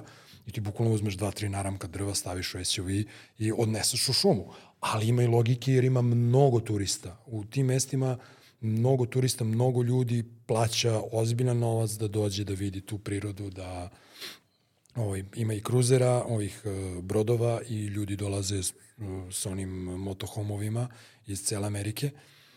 I zaista je velika frekvencija ljudi i turista, kada bi svako isekao neko drvo, tu bi vrlo brzo bi ostali bez šume. Ali te native zajednice, oni imaju dozvolu za, za oni sebe, za verovatno, svoje oni verovatno imaju, ne znam detalje, ali baš u tim remote, eh, tim prema, to je ka, ka centru, znači to, svi ovi koji su, eh, što je i logično, uglavnom su ti gradovi i generalno civilizacija s, Pored ovaj, okeana. skoncentrisana pored okeana ili možda na, na, pored reka, sve negde dalje u dubini teritorije je isto kao što je bilo i pred hilju godina. Vraćam te na sladoled. Na Nisi, sladoled. nisi nam objasnio ka, kako se A- pravi, kakvog je ukusa. A, ukus je intenzivan. Jesi ga pojao celog? Pa jesam, mislim, a, koji, koji, koji svuda po, po, kad, kad, ideš negde u inostranstvo, Nije kulturno, a? nije pristojno da odbiješ, ovaj, kod njih stvarno nije pristojno, ali ne bih ni odbio, nije, ne, mogu sad da kažem da je baš, a, a, da, da je to nešto toliko odvrtno, ali je neobično. Neobično, možda, možda je pre više, možda je više i psihološki kad znaš od čega, od čega se sastoji, pa je, pa je nego što zapravo sam ukus je, je čudan. Jer se pra, pravi se od, od, od masti losa, foke, čega god što je masno, od ribe. Riba se očisti i pretvori se u neku pastu, pomeša se sa tom mašću i onda se dodaju bobice koje su tad sezonske, znači na, naberu se, ono, ima, ima nekih ono, bobice, tu se, ja sam jeo kad sam išao na, na hikinge, nije kao naša divlja kup, nije, nije kao, nije kupina, ne, ne znam, kupina dođe onako kiselkasto, slatko, ali izgleda kao kupina, ne znam koja je Bugari vrsta. recimo imaju neki specijalitet sa kiselim mlekom, obično ovčim, ja mislim, ili kozim. E Sad, jedno i ću drugo je jako, da. Jako je, jako je i, i onda borovnice u, ubacuju. I to je njima specijalitet. Eto, pa mislim, uh, to je zanimljivo, kad, kad negde mrdneš malo dalje, otprilike vidiš da, da lj- ljudi, ono, homo sapiens je isti svuda i otprilike te neke, neke slične stvari koje se nađu u prirodi nekako spoje na, na sličan način. Mislim, ovaj, to, to je recimo zanimljivo. Ali ovo kad si mi pričao, mislim, ajde, ovče, kozije, Da. da. kozije mleko ću da izdržim, ali, ali mislim, ali, ali nije, plazmu od, od, od ribe i mast od Ali- losa. ali to je, uh, mislim, uh, jedeš salčiće. Da, oni bez masti ne bi bili onako, onako mekani, svu, masnoća svuda daje, daje ono, ono da bude da bude slatko, da bude mekano. I ta masnoća sa, sa tom ribom, ovaj, uh, ne znam, da, vrlo zanimljiva kombinacija. Ali kažem, za mene to jedan ovaj, veliki doživ, veliko iskustvo. Baš mi je drago što sam imao sreće, ali bukvalno sam imao sreće da to nisam tražio, a upalo mi ono u krilo i ja sam izuzetno ovaj, zadovoljan što se to desilo. Kaži mi, Joco, kad si ti odlučio definitivno da ti više ne želiš da, da radiš u radno vreme i... Dobro, to je kao i većina stvari u životu. To, to je išlo malo postepeno. Uvijek sam ja imao blagi problem sa ukalupljivanjima raznoraznim. Ovaj, bilo je postepeno, ali prelomna tačka je bila korona i kad sam dobio otkaz kao komercijalista, da sad ne pričam, ovaj, ima to svoju predistoriju kako se desilo, uh, onda sam ja bio prino u nekom trenutku sam se našao baš u skoro u bezizglednoj situaciji i bilo je neophodno da nešto brzo ovaj, moram da radim, nisam ovde mogo s obzirom da je korona, nisam mogo da tražim neki novi posao, pitanje, imao sam nekih obaveza, majka bolesna i tako dalje, nisam mogao ovde da se pouzdam da ću naći posao koji će mi omogućiti adekvatan prihod da mogu sve to da servisiram. Imao sam sreće da je ovaj, Aljaska bila dostupna tada i tu sam negde ono prelomio. Imao sam još neke druge lomove na emotivnom planu i ovaj, u privatnom životu koji su me ono potpuno ubedili da ja više ne želim da uh, robujem od 8 do, do 4 nekome i da zapravo šta, šta me u stvari najviše lomilo, uglavnom, ne, ne mogu da kažem da je uvek, ali uglavnom, kad imaš dovoljno para, nemaš, nemaš vremena da taj novac trošiš onako kako želiš. Znači, prinuđen si, došao sam i ja maltene u tu situaciju da tebi određuju, moraš 15 dana da odeš, uh, juri na more, vrati se s mora, gde si bio, čekaju te onda mailovi, čekaju te, čekate samo onaj posao koji si ti ostavio i onda imaš dva puta više posla neko vreme dok raskrčiš. U mom slučaju čak bilo i da baš tad kad ti hoćeš da ideš na... E, Nema- baš im ta treba. E, Tako je. tad im baš Upravo treba. to, upravo to. I onda dođeš, uđeš onaj kao, kao hrčak, onaj vrtiš onaj točak, vrtiš onaj točak i kao, what the fuck, ja ne želim ovo. Ti, ti ne kad živiš, si slobodan, da, ti ne shvatiš da živiš. preživljavaš. Tako je. I, i imaš, možeš ti sebi da priuštiš e, materijalne neke stvari, ali to je samo substitut za, za, za zapravo za, za život. I a, kad ne radiš, onda imaš vremena, ali onda nemaš, jer živim u materijalnom svetu. Nisam ja neki ono idealista koji smatra da, ne znam, može se živi od vazduha i sunca. Znaš šta je, e, e, korona, generalno, je mnogim ljudima promenila mindset. A, ja, ja gledam, nas su isto, ja sam radio u Borskoj topionici i nas su isto na, slali na remote. Da, Odnosno, da, da, da. mogli smo kao inženjeri da, da vidimo pristup procesu i da bukvalno preko telefona dirigujemo proces.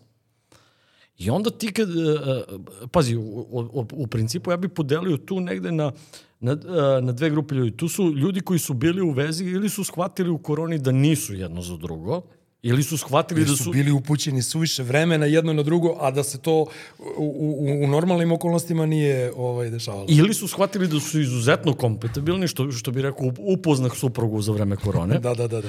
E, a, a što se tiče posla, shvatili su da, da je neprocenjivo vreme provedeno sa onima koje voliš i na mestima koje voliš. Jeste.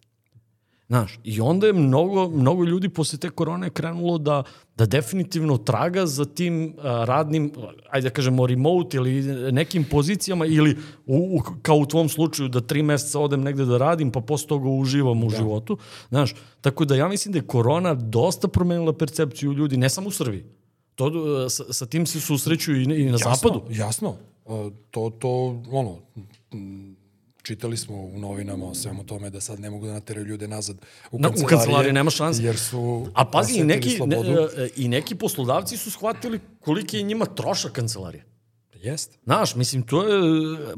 Svet se promenio posle korone. jeste. I u toku, u toku korone i posle korone Jeste. se promenio. Mislim, ja sam uvijek bio, i, i, ono, inklinirao sam tom nekom shvatanju, ali ovo mi je prosto se tako pogodilo da sam bio prinuđen da nešto uradim i onda je meni kliknulo da probam, da probam da kupim sebi slobodu, makar, ok, možda to neće moći i to me život naučio u poslednjih par godina, svi planovi koje ti praviš su samo okvirni i može, mogu da budu samo skice, jer uh, jako često ovaj, se dešavaju stvari koje su potpuno van kontrole i jednostavno ne možeš, ne možeš ti on sad kao, e, to sam planirao, pa onda si frustriran. Ne, prosto si neke, neke stvari se dese ili se ne dese, ali eto, imam neku skicu da probam bar u tom trenutku da živim u trenutku i da iskoristim taj uh, window of opportunity da, da, da bar malo uhvatim tu slobodu, što bi se To je reklo. to, život, da Život, živim. Da, da ga živim i trebalo mi je, s obzirom na prethodne ovaj, moj, moj, moj život, zaista mi je trebalo da ono, budem ko, ko kuglica na fliperu. znači da imam sredstva i vreme da, ok, sad hoću da budem ovde, bit ću tamo, radit ću ovo, neću raditi ništa. I to je baš ono, baš i prijalo. E sad ja bih tebe pitao, pošto znam da si veliki ljubitelj prirode, Da, Timočka krajina je izuzetno lepa. jeste. A interesuje me koje bi ti mesta, recimo u Timočkoj krajini, preporučio ljudima da ih nikako ne propuste, odnosno da odu da ih vide. Pa ne znam šta bih ti rekao. Kaži nešto. Mislim da to, to je, ovaj, opet korona je otkrila, otkrila dosta toga, valjda ljudi su, ovaj, nisu mogli da u inostranstvo, pa su krenuli ovaj, da, da obilaze Srbiju i otkrili nekom recimo, ok, to je već uh, opšte poznato, stara planina je, je le, ne bih sad mogu da kažem, eto imao sam malo prilike da, da mrdnem negde, ovaj, van, van zemlje. I ne mogu sad da odem u one, ono krajnosti, ja, naša zemlja je prelepa. I ima da, lepih zemalja, Ima, realno ima, zaista, ima. ima zaista spektakularnijih planina, ima spektakularnijih vodopada, spektakularnijih reka. I Čistih god- zemalja. čistih zemalja, uređenih zemalja, gde, gde je realno lepše nego ovde. Ali u suštini, eto, ceo, ceo, taj, ceo, ceo taj masiv stare planine i ona, i ona strana, ona strana prema Pirotu je jako lepa. To treba obići ne samo ovaj deo gde je skijalište i sa ove naše knjažičke strane, nego i sa one druge pirotske strane ovaj, koje je malo avanturistički je nastrojen, može i pešice da pređe preko masiva, to je bukvalno dan hoda ili dan i. Ima tu ono, vodopada, ima onih, onaj, kako se zove, slavinsko grlo ili ovaj, ro- rosamački oni lonci. Nije ovaj, na slikama deluje impresivno, nije toliko impresivno uživo, ali svakako treba, treba videti. A realno sve lepše deluje na slikama. Mislim, A, to, to jeste, to je sad Instagram je to ovaj, potvrdio, eto, sticam okolnosti, baš sam se skoro vratio sa jednog ovaj, mesta koje je Instagramabilno, gde nalazimo ono, mnogo fotki sa, sa Instagrama koje su ono, stop i pa dobro, jeste. Čak i kad nisu toliko ono dobro na, nameštene i ovaj uslikane zaista jeste ovaj ali neka mesta su mnogo manje impresivna uživo nego na nego na slikama. Pa ne, ja, ja znam moje iskustvo, recimo kad, kad smo bili a, u gimnaziji pa smo išli na ekskurziju u Grčku, znaš, da. sad ti ono, Delfi. Da. Kao sad, ti sad gledao si slike, znaš, kamen do kamena, mislim, ništa... E, ali to je sad zanimljivo. Ja, ja imam takvo iskustvo sa Mikenom. Mikena je baš kamen do kamena, imaš ona lavlja vrata i bukvalno posle dalje od toga nemaš mnogo toga. Vidiš, vidi se o, ostaci gde, su, gde je bilo trasirano ono kao gde su zidine i jedan baš ono drugar je bio u fazonu kao čuh, penjemo se mi uz ono ja ono oduševljen zato što zapravo ti tvoja lična priča i tvoj doživljaj zapravo stvara od toga neke, neko iskustvo. Ti čitaš Ilijadu, Odiseju, znaš ono, znaš odakle krenuo trojanski rad, da su kroz ta vrata krenuli tamo, ne znam, Mahil, sve ono, i ti si sad na tom mestu. Dobro, i kada je top. imaš celu priču Tako u je, glavi, i to- tebi je top. Kad samo gledaš to što imaš da vidiš, ništa spektakularno. Kaže, a bre, kako ovaj sad, citiram drugo, a bre, kako bre, ovo kamenje tu ima i na kraljicu, ajde idemo negde na pivu. Či ja zblanuto, konsternirano gledam u njega kao, prijatelj, ajde, kao, skloni se, pusti me da, da doživim svoj film. Neka mesta jesu impresivna. Mislim, ne znam, bilo koju katedralu, Slušaj. katedralu recimo kad vidiš uh, onu, ovu u Beču, nebitno je, kad ti vidiš kolika i kako je spektakularna, pa to je spektakularno, pa je spektakularno. Mislim, Jest, tu jest. Prosto Ne, pa pazi, možeš- možda, možda bi i drugim očima sad gledao. Naš ekskurzija je sad... Jasno, to je neko drugo vreme Ja, na, i- nas, su, nas su izbacili iz, iz muzeja na Epidaurusu. To, to, to, to se sećam, ušli smo u muzej i sad u, ulazi se na, na jednu stranu se ulazi u muzej, a Da. na drugu stranu se izlazi. I sad su bila, vrata su bila na senzor, znaš. I mi onako, pošto nas je mnogo toga interesovalo u muzeju, brzo smo onako pretrčali mu, muzej, došli do, do vrata i onda smo, palo nam je na pamet, prišunjali smo se onako vratima sa strane, onim senzor vratima smo se prišunjali, došli do njih, oni nas nisu registrovali, krenuli da lupamo, kao ono, pustite nas napolje. I sad turisti dolaze, vide nas kako lupamo na vrata i oni se vraćaju nazad i svi se vraćaju nazad. I samo u jednom trenutku kad je došlo obe, obezbeđenje, kad, kad, Što bi rekli, detinja posle. A kaži mi, uh, jednu stvar smo preskočili koju sam teo da ti pitam. Uh, kažu da se na primjeru Aljaski može jasno videti, mogu jasno videti klimatske promene. Ti si nekoliko godina bio, bio na Aljasci i šta se dešava sa, Moje sa snegom, sa tim večitim ledom?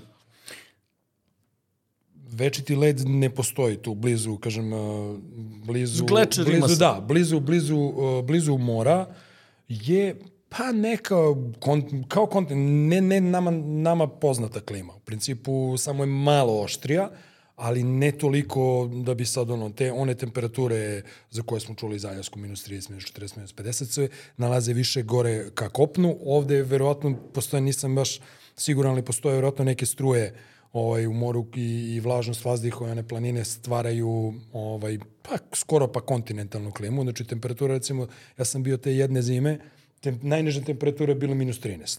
što je nama Što se i nama dešava ovde, da. Nije uvek tako, ali opet nije ni nešto suludo kao što imamo nekakvu predstavu kad se pomene Aljaska.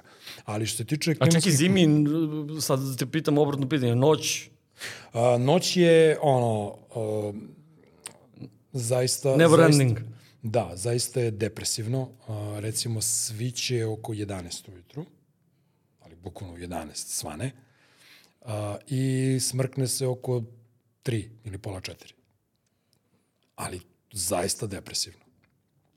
Ovaj, a, I to traje, to traje negde u januaru, ajde kažem možda 15-20 dana. O, Posle se ovaj, smanjuje noć, produžuje se dan, ali tih 15-20 dana, ovaj, bar tu dole u južnijem delu, je stvarno depresivno. I tako je, i tako recimo, tako i u Skandinaviji. I kaži mi, e, e, da, znam za Skandinaviju, znam za Norvešku. Da, meni, meni, je bilo, meni je bilo ovaj, neverovatno kad sam, imao sam sreće kasnije, prvo sam išao na Englesku, pa sam onda ovaj, do, dospeo i tamo do, do Norveške, kad sam sletao u Norvešku, bio ono kao, e, čekaj stani, priroda, ono, temperatura, ali bukvalno, i onda posle pogledam kartu pa da, na Anchorage To je i. Oslo su na istoj geografskoj širini. I potpuno isto. Fjordovi, glečeri. Kako je, je li Tromsu beše najbliže severnom polu? Um, Grad, mislim, grad koji je... Čekaj, Trondheim ili Tromzo, mešam. Nešto na T jeste gore, ali veruj mi da ne znam. I, E, da. da se vratimo na, na, na, na klimatske promene. Na klimatske promene. Uh, u Kordovi uh, postoji, blizu Kordove postoji jedan glečer, koji je jedan od većih, ja mislim, na ljesi, Sheridan glečer. I njega, sam, njega smo videli 2019.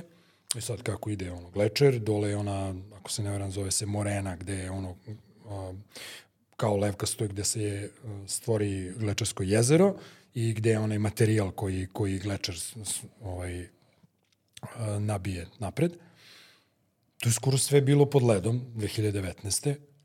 A, mogu si da sa, sa kopna da hodaš po ledu, što sam naravno ovaj, iskoristio priliku, da, iako je bilo zabranjeno. A, pa, ali stvarno kako pitao, čekaj, I posle hoćeš da sretneš medveda.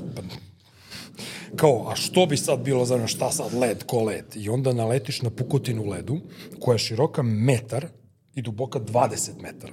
Znači, neverovatno, oce- ovako, ravne, ravne ivice su širine je metar. Nije široko, ali 20 metara i dole se vidi ona plava glečarska boja. Ovaj, oko, ovako gore na površini je beo i čak ima, čak ima dosta prašine i ponekad na ono iz daljine ne znaš da li je, da li je neki pesak ili led. A kad pogledaš u taj uh, procep, onda se vidi ona, ona, ona plava, specifična glečarska boja, izgleda fenomenalno. I kad treba to da preskočiš, ovaj, nije ti sve jedno. Jer je kao, kratko je, ali šta ako? Okliznem se. I ćao. I ćao. Ovaj, jer voda je dole, ono, dok, i dok te bud, i da te vide, ne mogu ti zvuku i ovaj, prehladna je voda da bi mogo da preživiš duže od 20 minuta. A, anyway, a, sledeće godine je glečar se povukao dobrih 50 metara. Znači, više nisi mogao sa kopna da, da, da staneš na, na led, nego tačno se videlo, mnogo je više bilo vode, mnogo je manje leda. 50 do, do 100 metara je nestalo za godinu dana. A to je ogromna masa leda. Znači, koja se prosto istopila. klimatske promene, globalno zagrevanje definitivno ima utjecaj. Pa da, na mom iskustvu je to definitivno tako. E sad, pošto si rekao da si, da si radio stvar koja je, koja, je- koja je zabranjena tamo, odnosno hodao po, ledu, Dobro, nije preporučljiv, nije zabranjeno, ali bilo je ono kao, ej, nemojte baš. a, pre, pre neki dan si se vratio iz Jordana. I tamo si radio isto neke stvari koje su zabranjene. A dobro. Tako sam čuo.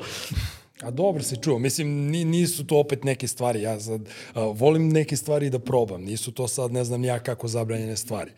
Ovaj, bilo je zabranjeno ronjenje u mrtvom moru. i Sad znam zašto su- je bilo zabranjeno. Sad si shvatio zašto. Sad sam shvatio, znači, de- empirijski, Objasni ljudima da ne probaju sami. empirijski sam potvrdio da je, da je, da je, da je 33-4% ovaj soli zaista previše i da je to nešto najslanije što možda zamisliš. I odvratan je osjećaj. A, kad ti, kad si, tu ti je sva sluzukoža iritirana i kad uh, sinusi cure i kad uh, onaj tamo pišti pišteljkom čuvar plaže i onda se osjećaš mnogo glupo jer svi gledaju tebe. Tako da... Ali ima dosta turista? Ima, da. Jordan, Jordan koliko sam uspeo da shvatim, dosta prihoduje od, od turista. Kakav je Jordan kao zemlja? Divan. Divan? Divan. Oaza, oaza stabilnosti na, na, na, na trusnom području Bliskog istoka. Zaista, zaista mi je ono fenomenalno bilo to putovanje. Prekratko je trajalo, ali sam ja prepun ono, jako pozitivnih utisaka, jer su Jordanci vrlo ljubazni, nisu navalentni kao mnogi bliskoistočni ovaj, narodi, mislim, u trgovini i tako dalje. Postoji taj levanski pristup uh, ovaj, i cenkanju i hajde uđi da vidiš, uh, gledanje se ne naplaćuje, na sve načine pokušavaju da te privole da, da, da kupiš nešto kod njih, ali ovaj, nisu navalentni kao što mogu da budu u Turskoj i Egiptu, pa čak i u Grčkoj ovi, ovi ljudi. U Egiptu ja mislim da su, barem moje iskustvo je da, da su u Egiptu najnapadniji. Moguće, o, ja eto do tamo nisam uspeo. U Turskoj, je, u Turskoj ćeš da doživiš od, od toga da te, da te vuku u prodavnicu do toga da te ono ne konstatuju. Ne konstatuju, da, da, da. To možeš da doživiš u Turskoj. U Tunisu, u Tunisu povlačit ćete, odnosno zvaćete u prodavnicu, posebno ako si, to ti je slično kao u Grčkoj, u Tunisu imaju ono da ako si prvi kupac, Aha, da. mora da kupiš, ne, to, to nema, ako, ako ti se desi, to mora da kupiš. Ali tu možeš i da pre, pre, uh, preokreneš u svoj korist. Naravno, cenkanjem, cenkanje, cenkanje... I odlaskom demonstrativnim. Da.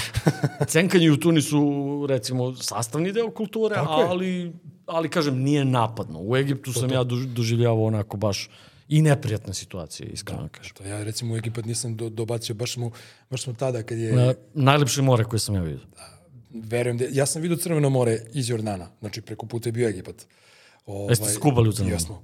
Crveno more mnogo Crveno lepo. more, jeste. Evo sad smo u sred decembra smo se ovaj, kupali bili smo u nekom izletu brodom i onda smo malo bio i snorkeling, vidio sam korale i sve to. To je fenomenalno. Znači, fenomenalno.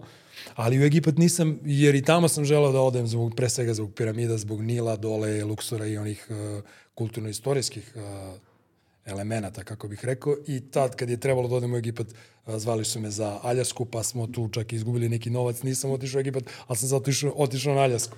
Meni je... Uh, uh, meni je u Aljasku, ja, U Aljasku. Ja, ja, ja, sam, ja mislim da sam jedan od redkih ljudi koji, nije, koji je bio u Egiptu, on nije otišao da vidi piramide. Nisam. Jer, jer meni kad je, kad je to, to kad, se, kad smo mi bili, to, to su bile, prvo su bile neke temperature od 40 plus, otprilike. A drugo, e, dešavalo se to da, da si ti morao da ideš na, na razgledanje piramida, si morao da ideš u pratnji vojske. Da. To je ono, verovatno kad su bili oni, oni, oni, oni nemiri... Pa, ona, ja, ne, ja mislim da nije, to je bilo pre, ne, ne, neposredno pre, pre toga, ali, ali je definitivno, znaš, sad, pazi, uh, a, meni barem neprijatna situacija. Ja ne znam kakva je sad situacija u Egiptu, ali znam da, da je između svaka dva hotela su bila ona mitraljeska gnezda, obučavaju te kako treba da postupaš sa taksistom, kog treba da zoveš ako se nešto desi.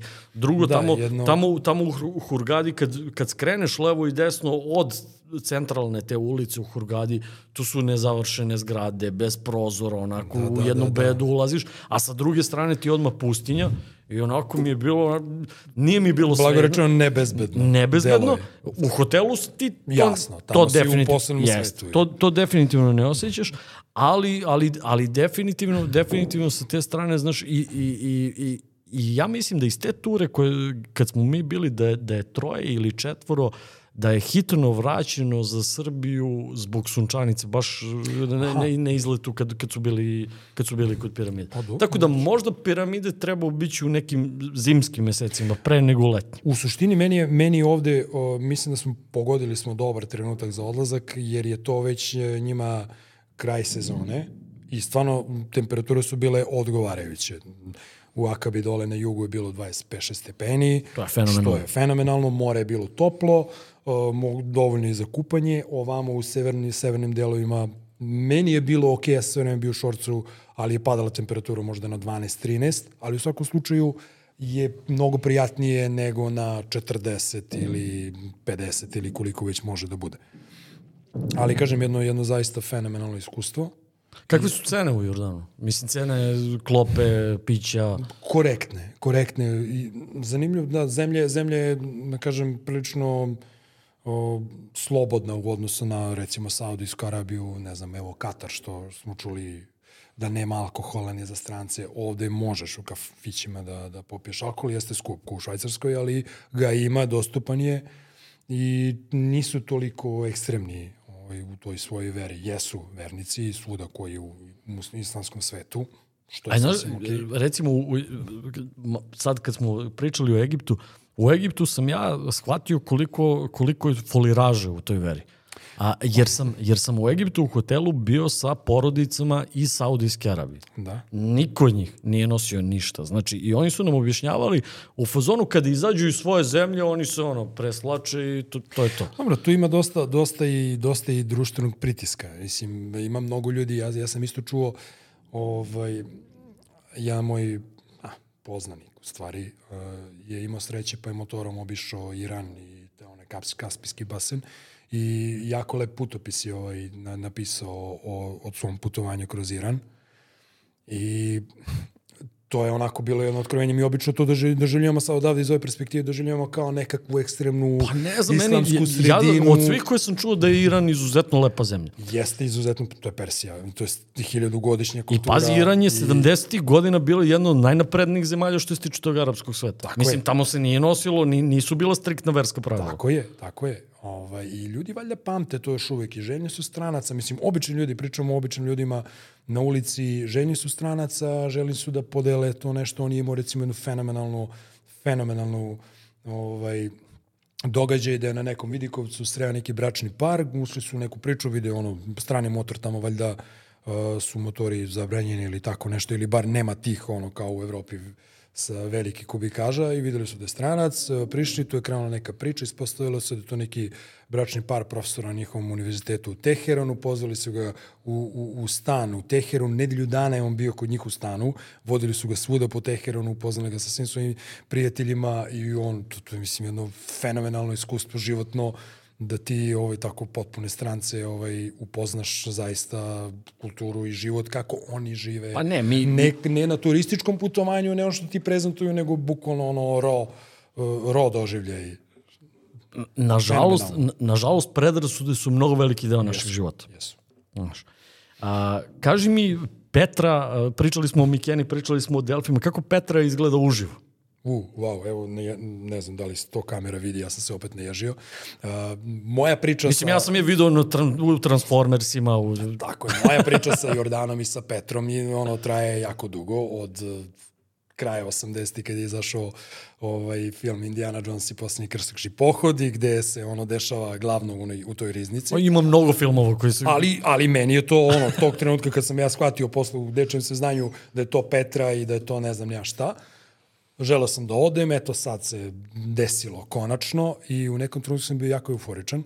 Kad smo stigli tamo, onda sam, pa upao sam ono, u do, donju amplitudu šta ako se razočaram, znaš, kad imaš prevelike očekivanja šta će biti i ostvarila su se. Zaista impresivno. A, sam, a, sama priroda tamo i ti kanjoni i, i, i generalno taj pustinski pejzaž uh, koji liči na Mars, na, to, na Tatooine, ne znam, iz ovaj, Star Wars. Warsa, ovaj, je Evo nam fenomenalan. Golden Millennium Falcon. Eto.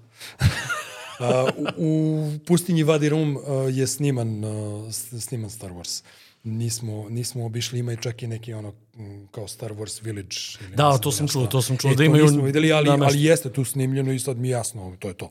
Ali što se tiče Petre, um, da nema uopšte kulturno-istorijskog komponente, da je samo priroda i da sam otišao tamo, da sam morao da platim, da odem, da hajkujem po, po tome, ja bih bio zadovoljan, a potpuno je fascinantno koliko je tih uh, hramova i grobnica uklesano u samoj steni i do kojih su oni uh, razmera išli, recimo gde imaš uh, iz tog glavnog kanjona Petre, a kad se izađe imaš uklesan put preko 600-700 stepenica ima vodi na, na, jedna, na vrh jedne, aj kažem, planine koja je 600-700 metara visine i tu se, glav, tu, tu se nalazio glavni žrtvenik. Ali to kako su oni klesali, te stene i pravili taj, taj put ovaj, na gore i generalno svuda. E, prostor koji je taj grad zauzimao... To je nešto je najbliže, ako, moj nekoj percepciji bi bili meteori otprilike koji da li, ne znam. Neuporedivo, Neuporedivo. Bio si na meteoriju? Bio sam, spektakularnije. Ta, ti na meteorima imaš one kao stubove, uslovno rečeno, a ovde su kanjoni, ja mislim taj glavni kanjon, dva, dva tri ili četiri kanjona ko su jako duboka i sa svim onim ovaj, uh, prelepim nijansama crvene boje i te, te boje tog, tog ovaj, kamena su zaista fascinantne, neverovatne. I sama veličina a, koju je Petra zauzimala u svom vrhuncu je neverovatna. Svi ti kanjoni su bili ovaj, nastanjeni, pa onda kad se izađe iz tih kanjona postoji jedan, jedno proširenje na kome, je, na kome su bili hramovi gde je bio taj kao grad uh, rimskog tipa, Naravno, pošto je to trusno područje, bilo je nekoliko zemljotresa kroz istoriju, što nas onemogućava sada da vidimo mnogo više od tog dela. Ovaj, ima ruševina i nije čak ni, mislim da nije ni... Čekaj, sva sreća i da, i da ovaj deo može da se... Tako je, preko 60% mislim da uopšte nije ni istraženo, jer uh, kubore sa fondovima, baš nam je vodič priča o tome da se dosta oslanjaju na evropske i američke fondove, na univerzitete koji, koji ovaj, finansiraju neke arheološke ekspedicije tamo, da preko 60% uopšte nije ovaj, istraženo i što je meni fenomenalno što u Petri dalje žive beduini.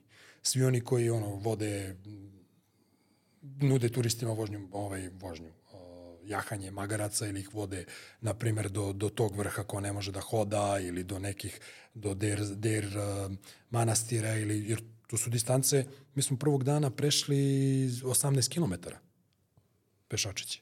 Drugi dan je bilo 20 i nešto. I falio je možda još jedan dan da se, da se obiđe sve kako treba. I beduini tu žive, prodaju ovaj, turistima ove raznorazne ovaj, suvenire i bukvalno u onim, u onim, uh, u onim uh, udubljenjima, veštačkim udubljenjima u stenama i dalje žive tu. I, i, I nije ni čudo što je i Tatooine inspiracija da, i to je njihova, Jordan bio. I to je njihova zemlja i meni je fenomenalno. Možda bi, možda bi negde u Evropi to bilo sterilnije, možda bi bilo i bolje uređeno, jer oni su m, ponegde i možda i uništili nešto ovaj, od tih, jer jako je mekan onaj krečnjak i dovoljno se uništava jeloskom erozijom, ali i, i ljudski faktor je tu uh, bitan. Međutim, daju uh, jedan osjećaj kako bih rekao, e, možeš da se nekako prebaciš u vreme kada je taj grad bio živ, jer upravo se tako i dešavalo. Mislim, e, svađali su se oko, oko neki, mi smo imali situaciju, ne znam, trebalo nas vode na neki vidikovac i onda, pošto je bila velika grupa, to je dosta para, mi smo se kao krenuli da se sa jednim, onda je došao drugi, onda su krenuli da se svađaju oko toga čije je pravo da vodi tu grupu i to je bilo fenomenalno jedno ovaj, iskustvo jer te potpuno te prebacuje tako je tako je taj grad života tako se prodavalo ovaj verovatno putnicima trgovalo se svađalo i šta znam mislim tako da da nema beduina tu verovatno bi bilo mnogo sterilnije nego što jeste. Znači sve preporuke za Jordan apsolutno apsolutno. A pitanje je jedno pa da polako završavamo kada otvaraš kafić u Vjetnamu Dobro, to sad... uh, ko zna, možda, se, možda će se desiti, možda nikad neće. Mislim, to je jedna od mojih ovih glupih, glupih ideja. Ko zna, mislim, možda. U, u ovom trenutku još uvijek nisam izašao iz, iz, faze, iz faze kuglice na fliperu, tako da možda se i to desi opet je krenulo. Mada mnoge neke ideje zapravo koje se kasnije ispostave kao dobre pođu u takve neke gluposti, ono, neki brainstorming kad svi bacaju na sto nešto, ovo je bila bukvalno takva jedna seansa da jedna prijateljica ovaj, ima prijateljicu koja živi u Vijetnamu i kao u Vijetnamu su fenomenalne plaže, ali niko, niko ne pominje Vijetnam kao nekakvu destinaciju gde bi ti išao na plažu tropsku i tako dalje.